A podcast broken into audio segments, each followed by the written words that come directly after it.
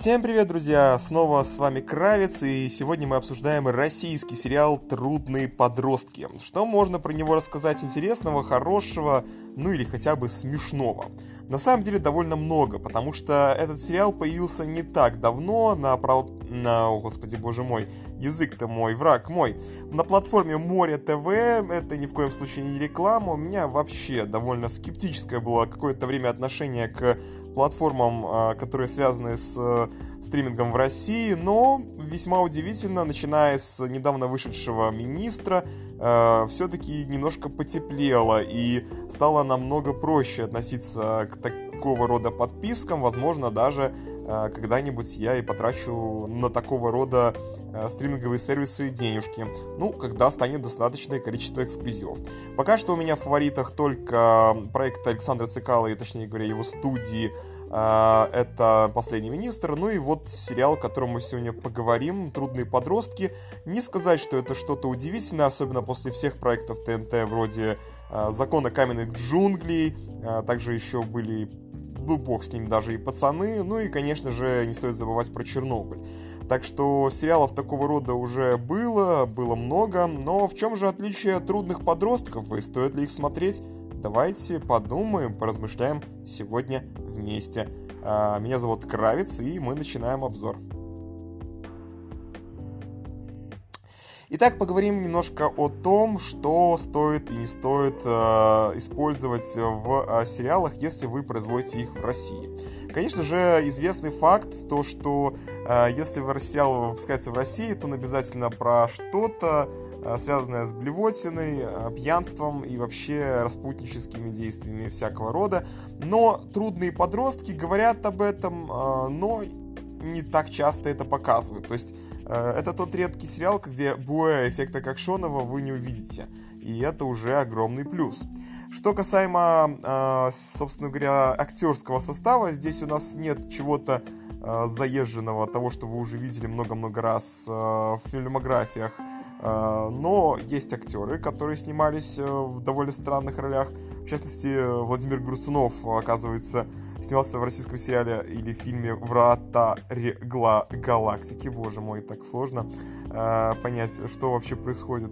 Э, некая Мила Ершова успела сняться в обзоре, вернее, в фильме «Днюха». Э, ну а все остальные, кстати, не такие заезженные вот э, актеры, половина, половина состава вообще нигде не светилась, вот только Виталий Андреев, сыгравший Фила в тренере, был. Ну и Тимофей Елецкий, так удивительно похожий на Э, актера из норвежского скама тоже нигде не засветился.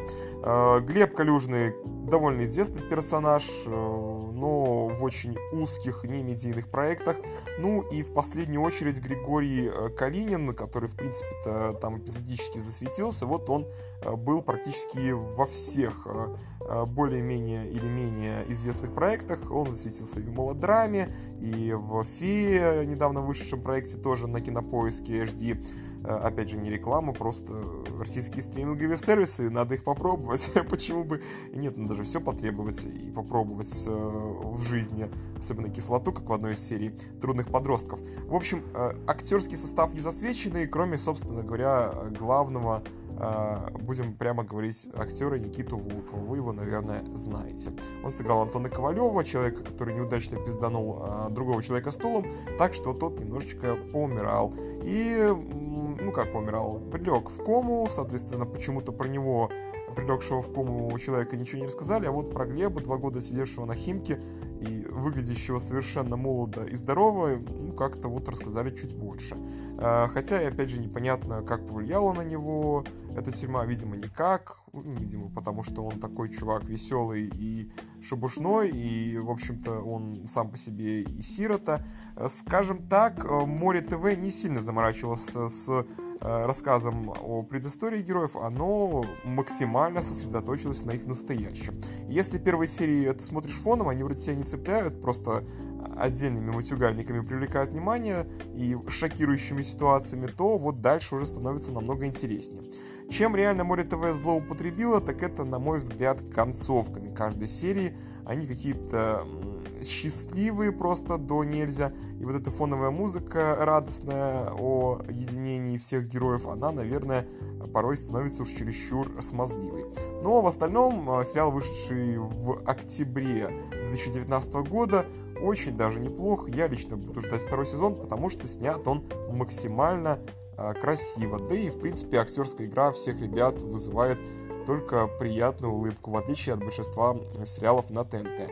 Вот, кстати, в недавно вышедшем проекте «Жуки» э, с хорошей достаточной идеей э, пострадала именно актерка, ну и сценарий, собственно, потому что писали его э, как бы комедий-клабовцы, ничего удивительного в этом нет. А вот с подростками как-то попроще. Ну, чаще всего встре... ну, встречают этот сериал по отзывам на проект другого плана, тоже из ТНТ. Это, наверное, Э, другой сериал про слегка сидевшего человека э, с Дмитрием Нагиевым. Но, но, мне кажется, «Трудные подростки» все же оригинальны и ничем э, к Нагиеву не близки. Что касаемо сюжетной линии, здесь все понятно. Тренер отсидел, вышел, заключил договор со своим бывшим руководителем, что оттренирует спортивную команду в сиротском приюте. Ну и по этой причине он, собственно говоря, и оказывается там у своего знакомого, так скажем, ну как знакомого, батя по сути, и получается начинает тренировать молодых ребят, конечно, не сразу, сначала они доказывают ему, что с пацанами на районе не так легко возиться, и футбольчик с ними не поиграешь, да и не побегаешь, ну и физруком там особо не устроишься, но все равно бывший футболист соглашается и начинается вот эта вся драматическая веселая херотень с матами, приматами, э, укуренными чуваками, которые пытаются разъебать друг другу лицо. Э, ну, в сериале же матерятся, почему бы и мне не устроить такую штуку в подкасте. В общем говоря, сериал хорош, на мой взгляд, э, достаточно интересен, э, приятный по цвету, но не романтичен. То есть вот того, что было в ЗКД, вы не увидите. Хотя, а, как продолжение ЗКД, которое сколько лет обещают, наверное, он и сойдет. А, в общем, хотелось бы намекнуть, э, собственно говоря, автору ЗКД, что, судя по потребности в контенте и по оригинальности сериала, самое время это продолжение закона каменных джунглей снять. Очевидно, что спрос на это дело есть. А, а думаю, что тот факт, что Море ТВ привлекло некоторое количество молодой аудитории этим сериалом, он уже неоспорим. Да и более того, весьма смело было выложить его на YouTube. Несмотря на то, что проект э, может быть не самый дорогой, все равно приятно, что стриминговая платформа осознает необходимость такого рода действий.